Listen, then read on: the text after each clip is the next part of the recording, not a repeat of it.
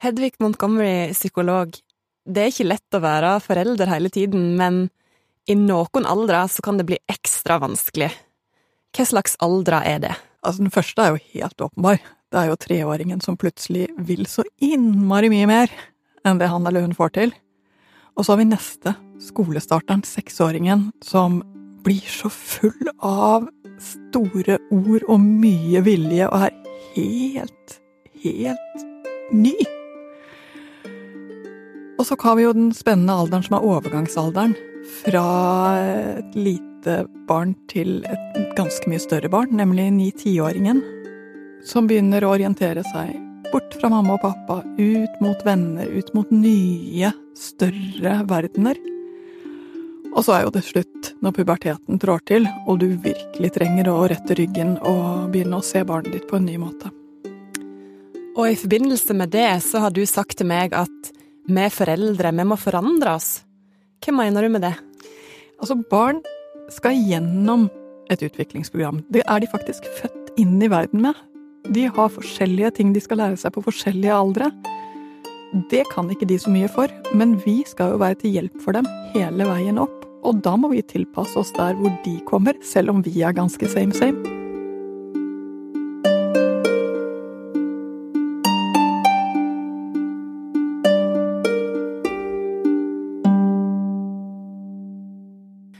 Hører på Foreldrekoden fra Aftenposten, og mitt navn er Amalie Læring. Og i dag så skal vi altså gå gjennom fire eksplosive aldre i et barns liv. Og jeg har lyst til å starte med de minste, Hedvig. Eh, tidligere så har vi brukt ordet trassalder om barna i to-, tre-, fireårsalderen, men det er et begrep du ikke liker så godt. Hvorfor ikke det? Jo, for trass indikerer jo at det er noe mot deg. Men det har egentlig ingenting med deg å gjøre, det har med dem å gjøre. Fordi det at de plutselig har fått et språk som er godt nok til at de kan begynne å se for seg hvordan dagen skal se ut, og bli skuffa når det ikke blir sånn. Det at de har fått en mulighet til å si nei, hvor de før bare har sagt ja. Det at de nå kan gå ut og ville ting selv, der hvor de før bare har blitt tatt med og satt fast i vogna. Det er klart at det lager jo helt nye friheter for dem, som de skal bli vant til å forholde seg til, og så skal de samtidig utvikle et språk som gjør at de kan forklare for deg hva de har sett for seg, hva de håper på, hva de ønsker seg. Det er klart det blir krasj. Av og til så er du et helt annet sted enn det de er, og deres eneste måte å håndtere det på, det er å si nei. Og da handler det egentlig ikke så mye om deg som det det handler om drømmene deres. Men hva er dine beste råd til foreldre som har barn i en sånn fase?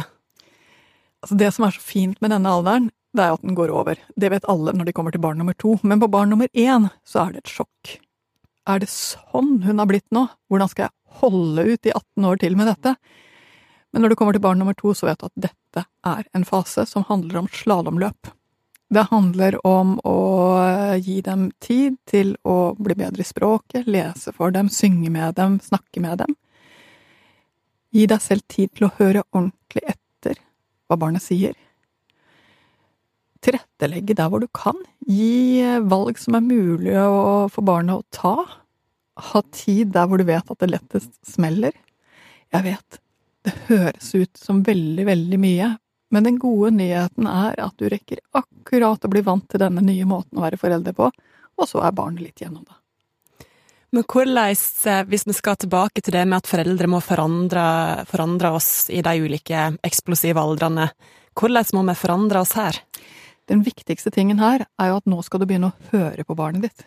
Før så har du jo ikke kunnet ha noe særlig samtale med barnet, mens nå begynner hun eller han sakte, sakte å lage små budskap til deg. Drypp av mening, drypp av ønsker.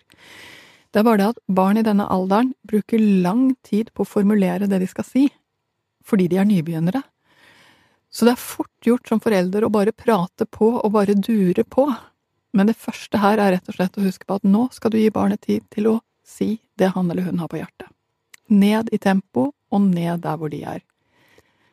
Men hvor mye skal de egentlig få lov til å bestemme, da?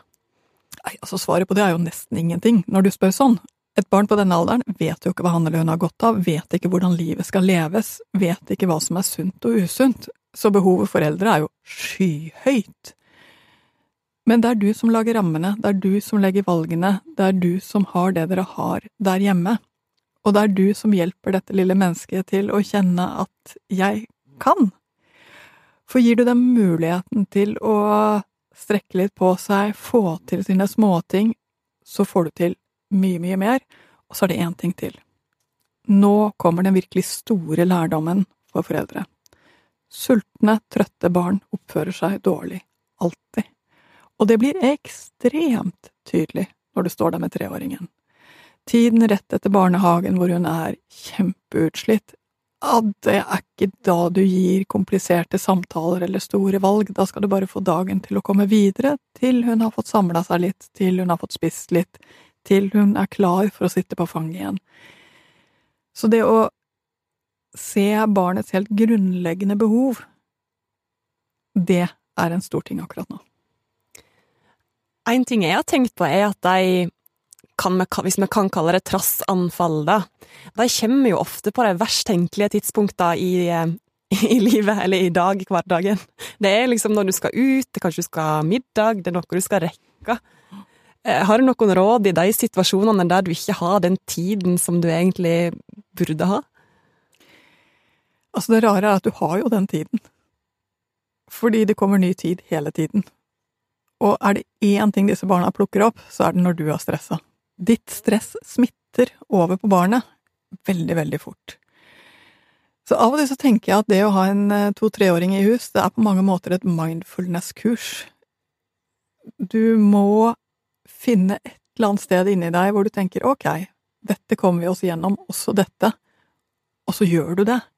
For barna liker å samarbeide, liker å komme over det som gjorde at de sto fast, liker å komme seg i barnehagen selv om de var helt fra seg i gangen bare ti minutter tidligere. De trenger at du går videre sammen med dem. Men fins det noen triks for å få dem ut av det, når de har gått helt i lås? Når de har gått helt i lås, så er faktisk trikset at du skjønner at de har gått helt i lås, og at det ikke er noe de gjør mot deg, men at de er nettopp i lås. Så når du står der og et eller annet er galt, kanskje er det ullgenseren som er gal, kanskje er det vottene som er gal, gjør det som skal til, som du kan gjøre, vent med vottene, for eksempel. Og så viser du dem at vet du hva, det kommer til å gå helt fint. Hvis vi gjør først sånn, og så sånn, så kommer vi oss videre. Du trenger rett og slett å vise en veldig enkel vei ut av situasjonen som de kan være med på. Men jammen meg driver du med litt gjetting, for du kan jo ikke se hva som skjer inni hodet på dem.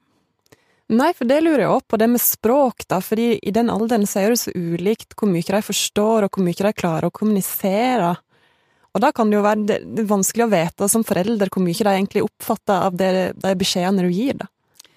To-treåringer skjønner mange ganger mer enn det de klarer å si. De har et mye større ordforråd inni seg enn det de klarer å uttrykke. Og jeg tror kanskje av og til at det er det som gjør at det blir så vanskelig for dem, fordi de har egentlig lyst til å formidle mye mer, og så har de ikke muligheten til å si det enda, selv om de klarer å tenke det.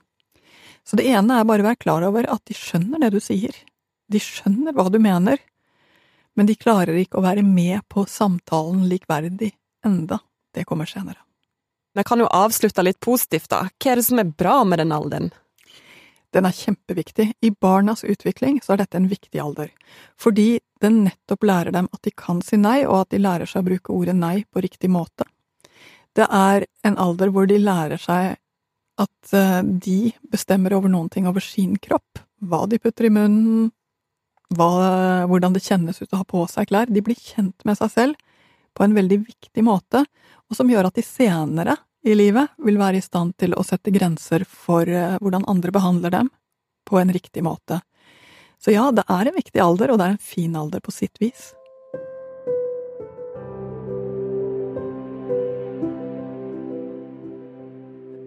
For noen uker siden så hørte jeg et begrep som jeg aldri har hørt før, nemlig seksårspubertet. Er det en greie? Absolutt. Altså, det er så fascinerende, fordi at i fem, seks, syvårsalderen, og her er det store aldersforskjeller på når det skjer, fordi det er et modenhetshopp som de skal gjøre i denne alderen her, som henger nøye sammen med, med modning av hjernen. I denne alderen her så er det akkurat som de går ut i ytterkanten av følelsene sine. Det er akkurat som prosjektet deres er å ta kontroll over det som ligger så langt ute at de knapt har turt å være borti det før. Av store ord, av store følelser. Og her begynner de også å bruke ord som de kanskje ikke engang behersker. Tar liksom ting i, i munnen som er for stort for dem. De blir glemske på en helt ny måte, fordi de igjen er ganske Det er så mye som skjer inni dem at de blir mer slitne, som gjør at de fint kan glemme hva de holder på med, nesten omtrent mens de gjør det. Så det å ta imot beskjeder som var lettere bare noen måneder før, er plutselig inn det ene øret, ut det andre. Det er ikke plass til dem. Så det er nok mange som akkurat rundt disse tidene her blir sånn hæ, hva slags barn er det? Hvordan skal det bli? Hvordan blir puberteten hvis det er sånn som det er nå? Men her kommer den gode nyheten. Når hun eller han har fått armene rundt disse store følelsene, når barnet har begynt å ta kontroll over det som eh, ligger og, og glitrer ute i ytterkantene, så kommer barnet tilbake igjen og er mer inn på midt igjen. Og så tror jeg det er én ting til som er viktig å si. Noen har barn som har ganske store i følelsene fra før. De blir enda større. Og noen har de som har vært veldig forsiktige om midten, de endrer seg faktisk ganske mye akkurat i denne alderen her. Skjer dette med alle, eller er det bare en liten del? På et eller annet vis så skjer det med alle. Det er bare at hvor mye det blir å forholde seg til, er forskjellig fra barn til barn. Noen blir fulle av protest, eh, og blir kanskje også møtt litt hardt tilbake igjen, og da blir det enda mer kraft, og så er vi inne på en dårlig spiral. I det hele tatt så er nok en av hovedreglene for alle disse fire alderne, det er at møter du makt med motmakt, så vil du forlenge den tiden det tar for barnet å gjøre det han skal gjøre, nemlig å bli kjent med denne nye fasen. Så dette handler dels om barnet, hvor mye det kommer i svingning, hvor lang tid det tar å få armene rundt seg selv, og det handler om deg som forelder, hvor lang tid du eh, bruker på å forstå at dette er ikke et oppdragelsesspørsmål som handler om å si 'det får du ikke lov til', men det er et oppdragerspørsmål som handler om å si 'ah, ble det sånn nå', men du, ta en liten tur eh, ut, eller eh, sett deg litt ned og, og, se på noen ting, eller hva det nå kan være for noen ting, og så snakker vi om det etterpå. Altså rett og slett gi dem den plassen. Ja, for hvordan må vi foreldre forandre oss når barna kommer i denne fasen? Det første å være klar over er at nå blir de også mer slitne. Og fordi det er store følelser det er snakk om, så får barna ofte problemer med å sovne på denne alderen her. Ja! Går fra å liksom være sånn 'Å, nå skal du gå og legge deg', og så er det en liten historie, og så sover de, til å være uttrukken prosess. Fordi de trenger hjelp til å roe ned alt det der som koker inni dem, før de får til å slippe taket om dagen. Ja, betyr det at du skal begynne å legge deg tidligere, eller hvordan skal du løse det? Eh, for det er mange jeg kjenner med, har jo Jeg har mange som er i denne fasen nå, og de sier jo det samme. De sovner plutselig. De sovner sju, og så plutselig sovner de ni. Og det er jo veldig seint når de skal opp igjen klokka sju. Overtrøtte barn tar jo så klart lengre tid å legge. Men den viktige tingen å ta med seg her, det er at barna trenger på ekte å roe ned for å kunne slippe tak i dagen. De trenger å bli strøket litt på, de trenger å få den tryggheten i at disse følelsene går det også an å pakke bort. Og da blir leggingen i hvert fall litt mindre konfliktfylt enn når du tror at de gjør det for at de kunne ha gjort det bedre. Det kunne de faktisk ikke. Så hva er det beste leggetrikset for deg, de som er i den alderen? Jeg tror at det å finne gode historier å lese, som gjør at de slipper litt tak i seg selv og går inn i historien istedenfor, er et ganske godt tips. Hvordan spiller skolestart inn i alt dette? Ja, du, skolestarten kommer jo nesten litt eh, sånn eh, perfekt plassert i forhold til dette. Noen har allerede gått dette trinnet før de begynner på skolen, eh, og da vil de faktisk få en litt lettere skolestart, mens andre står midt oppi det, og da skal du attpåtil orke å ta til deg alt nytt på skolen som du også blir sliten av. Da får du litt dobbelt opp. Og som forelder da tror jeg bare du skal være klar over at dette blir litt bratt i noen måneder. Ikke pøs på med andre aktiviteter og andre inntrykk. Gi rom til å ja, nettopp fordøye alt sammen. Eh, og så kommer barnet ut og klarer får større kapasitet igjen når eh, disse følelsene har fått eh, plass til å bli roet ned. Du var inne på det i stad, at de plutselig kan begynne å bruke andre ord og ting de ikke har sagt tidligere. Mm. Hvis de plutselig begynner å si sånn 'du er så dum, mamma', eller 'jeg hater deg, pappa', eller sånn, at de Mm. tar ordentlig i, da. Eller enda verre, 'jeg vil bare dø'. Ja. Ja da, her kommer de store ordene, og jeg tror vi skal være klar over én ting da, de skjønner ikke helt betydningen av det de sier. Og det de egentlig uttrykker er 'nå er det skikkelig, skikkelig vrient inni meg, og jeg vet ikke helt hva jeg skal gjøre for noe med det'. Kan du slippe litt det du har i hendene, og komme litt hit og stå i mine sko, og se om vi kan finne ut av det sammen? Jeg har skjønt at sinneutbrudd eller frustrasjon er òg en del av denne fasen. Hvordan skal en respondere på det? Altså, frustrasjon er en superbra følelse, for barn som er frustrerte, vil noen ting. Så det ene er å huske på det, at frustrasjon er to følelser. Ønsket om å få til noen ting, og sorgen over ikke å være der enda. Og det betyr at som forelder må du klare å møte begge de følelsene samtidig. Hjelpe dem til å få litt sånn ro på at det går fint, du kommer til å kunne det senere, og også vise de trinnene som skal til, og som kommer etter hvert. Og så er jo det mye positivt i den alderen òg. Om det er. Altså de små skolestarterne, de små fem, seks, sjuåringene som skal gjøre seg klare for å knekke lesekoden, som skal gjøre seg klare for å begynne å leke med venner og venninner på en mye, mye mer likverdig måte. De vokser så det knaker i dem. Og det er virkelig nå du begynner å se barnet ditt vokse frem. Og så er jo det ofte sånn at du kan ha en, et barn som er tre år i selvstendighetsalder, og et barn som er seks år og er i den fasen. Da blir jo det Det er jo ikke rart folk blir slitne. Nei, altså Det er jo ikke så uvanlig at det er nettopp tre år mellom barna, og at vi dermed klarer å få en slags dobbel uh, dipp samtidig. Men er det noe fint i det? Ja ja. Da kan jeg love deg at du kommer til å være veldig fornøyd med deg selv om et halvt år.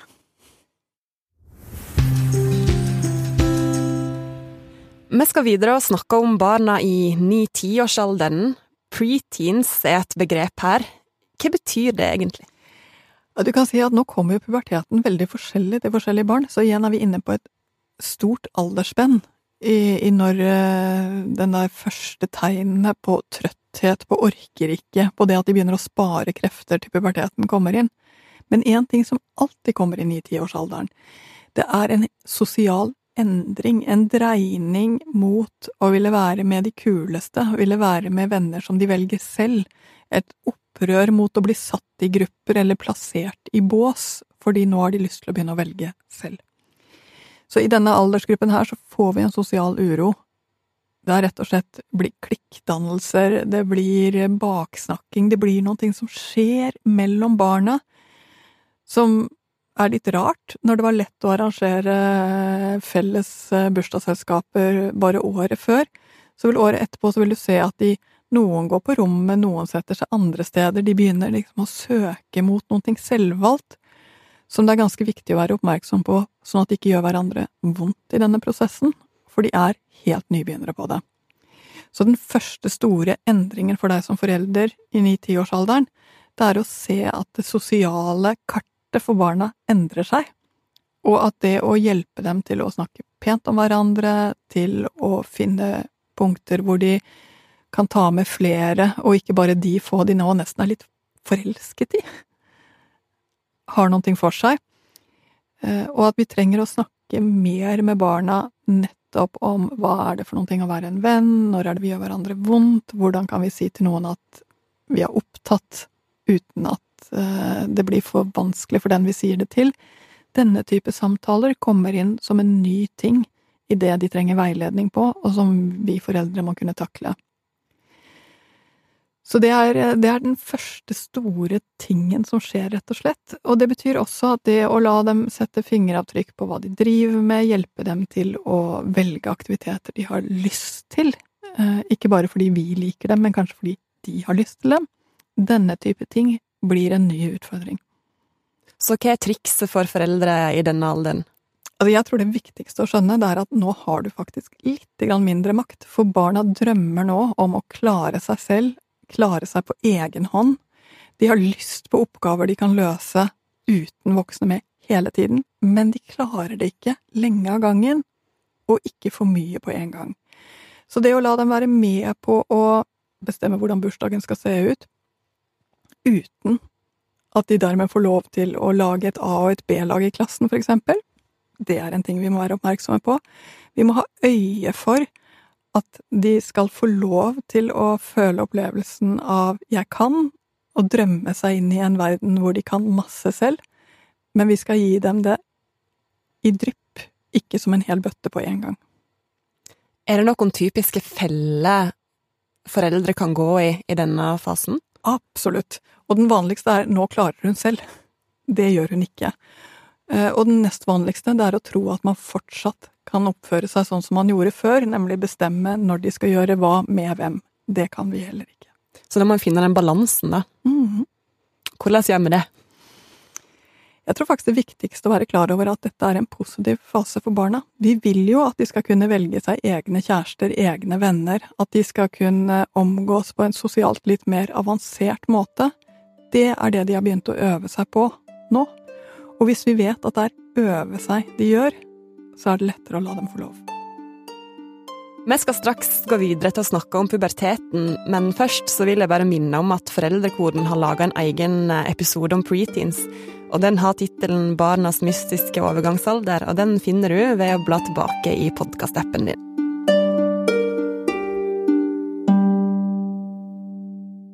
Hedvig, 13-årsalderen og den ekte puberteten.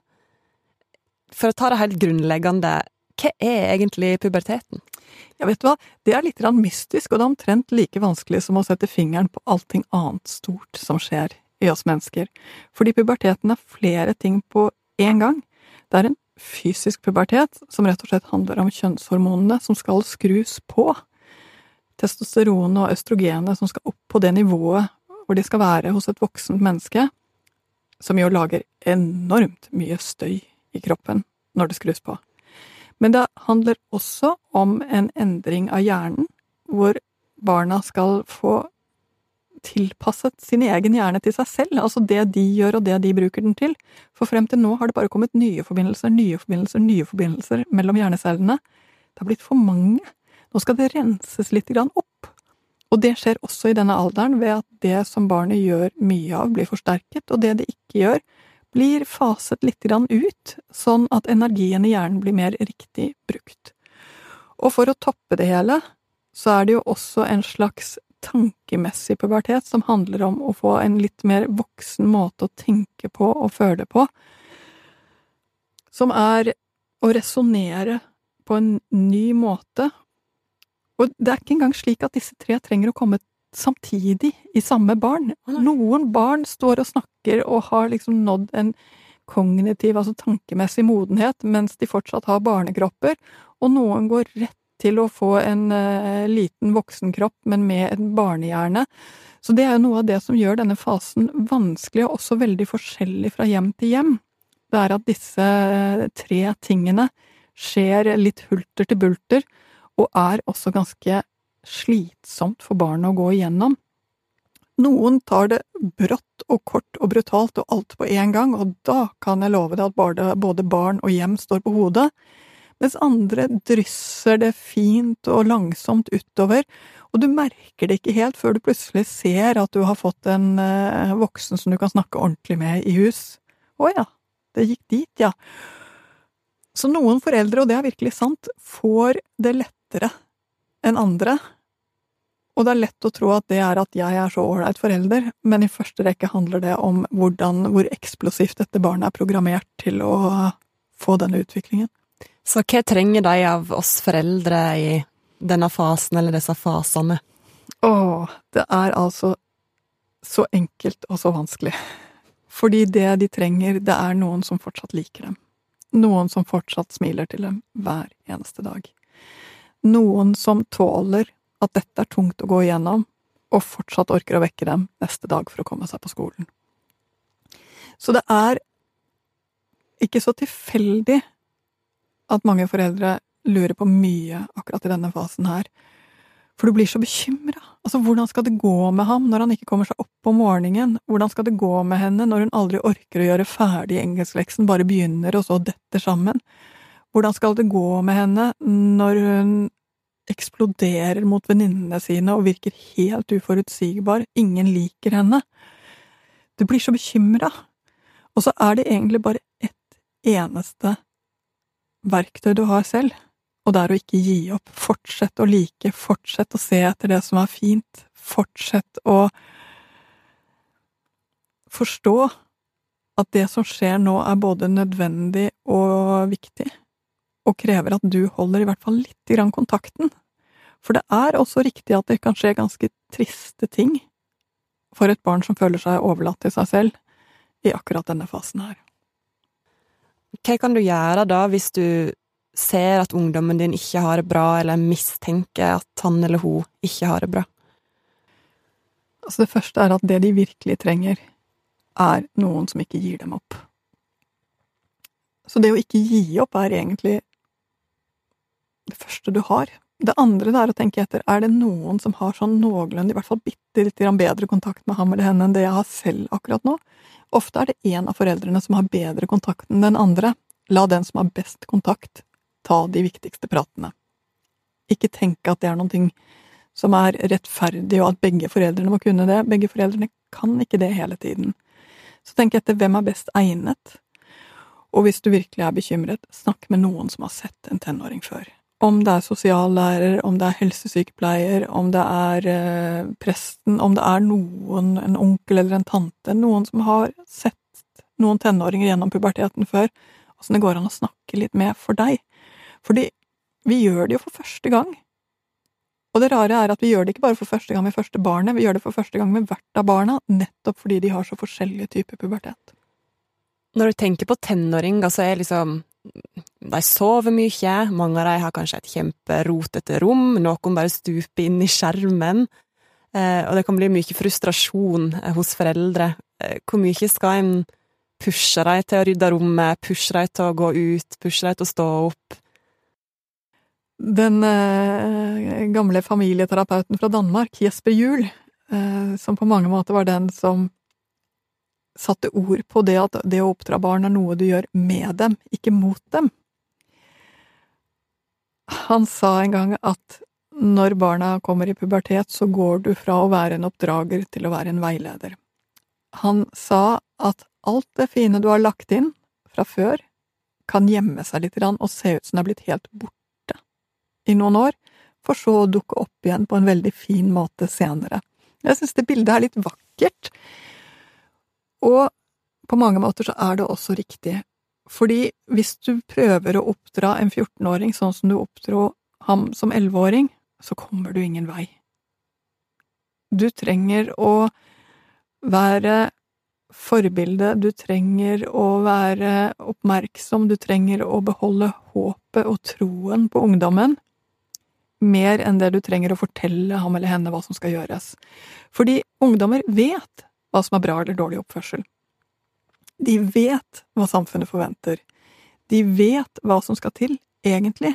Det er bare det at de har ikke akkurat nå kreftene og overskuddet til å gjøre det, og trenger at noen venter sammen med dem til de kommer på plass igjen.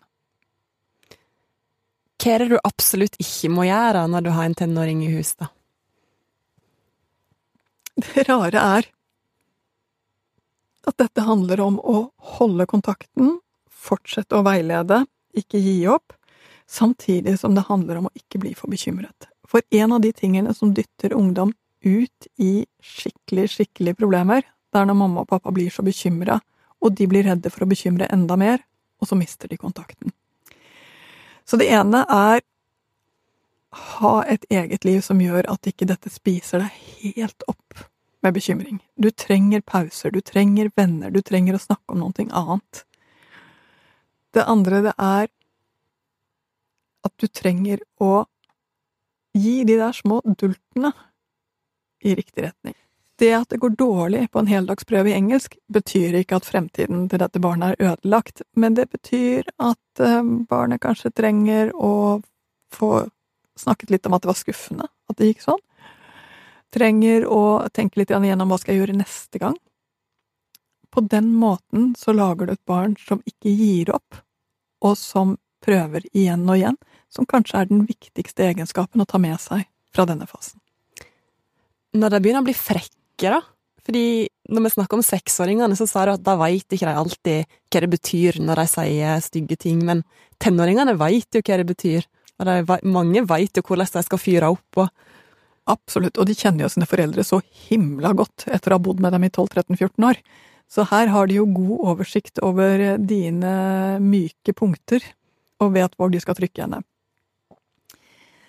Men jeg må jo si at eh, for min egen del har jeg gjort det ganske enkelt, og kanskje er dette et litt enkelt råd, men allikevel. Når mine egne barn har sagt ganske lite flatterende ting om meg som er altfor sanne, på ett nivå, men ikke helt allikevel, så jeg tenkte etter det, men er det virkelig sant? Og så har jeg kommet frem til at det er jo faktisk ikke det. Og så har jeg smilt litt skjevt, og jeg har sagt akkurat det. Ja, litt sant, men kanskje ikke helt. Eh, og da har de jo stort sett vært enige med meg at ja, litt sant, men kanskje ikke helt. Eh, og så har det gått an å komme seg videre derfra.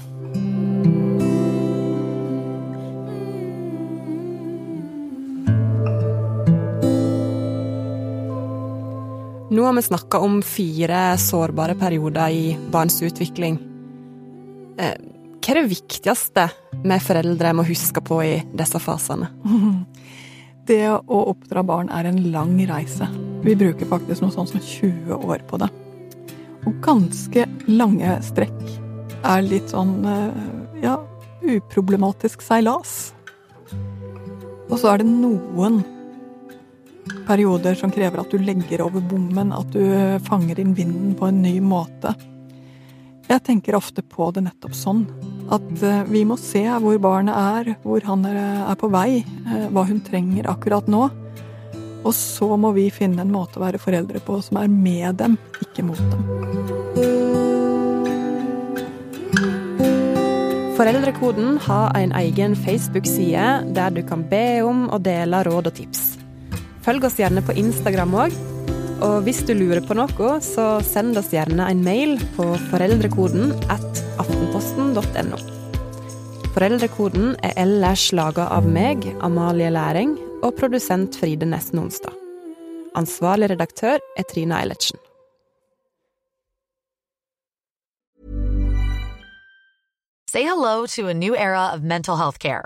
Cerebral is here to help you achieve your mental wellness goals with professional therapy and medication management support. 100% online. You'll experience the all new Cerebral Way, an innovative approach to mental wellness designed around you. You'll get a personalized treatment plan from a therapist, prescriber, or both in a safe and judgment free space. Your cerebral therapist or prescriber will outline a customized plan with clear milestones along the way so you can get to feeling your best. With Cerebral, you're not alone in your mental health journey. We're here to empower you to live a fulfilling life. So take that first step towards a brighter future and sign up today at cerebral.com slash podcast and use code ACasts to get 15% off your first month. Offer only valid on monthly plans. Other exclusions may apply. Offer ends July 31st, 2024. See site for details. How would you like to look five years younger? In a clinical study, people that had volume added with Juvederm Voluma XC in the cheeks perceived themselves as looking five years younger at six months after treatment. Look younger, feel like you. Add volume for lift and contour in the cheeks with Juvederm Voluma XC. Reverse signs of aging by adding volume to smooth laugh lines with Juvederm Volure XC. For important safety information and to find a licensed specialist, visit juvederm.com. That's J U V E D E R M.com. Not for people with severe allergic reactions, allergies to lidocaine, or the proteins used in Juvederm. Common side effects include injection site redness, swelling, pain, tenderness, firmness, lumps, bumps, bruising, discoloration, or itching. There's a risk of unintentional injection into a blood vessel, which can cause vision abnormalities, blindness, stroke, temporary scabs, or scarring. Talk to a licensed specialist to find out if it's right for you.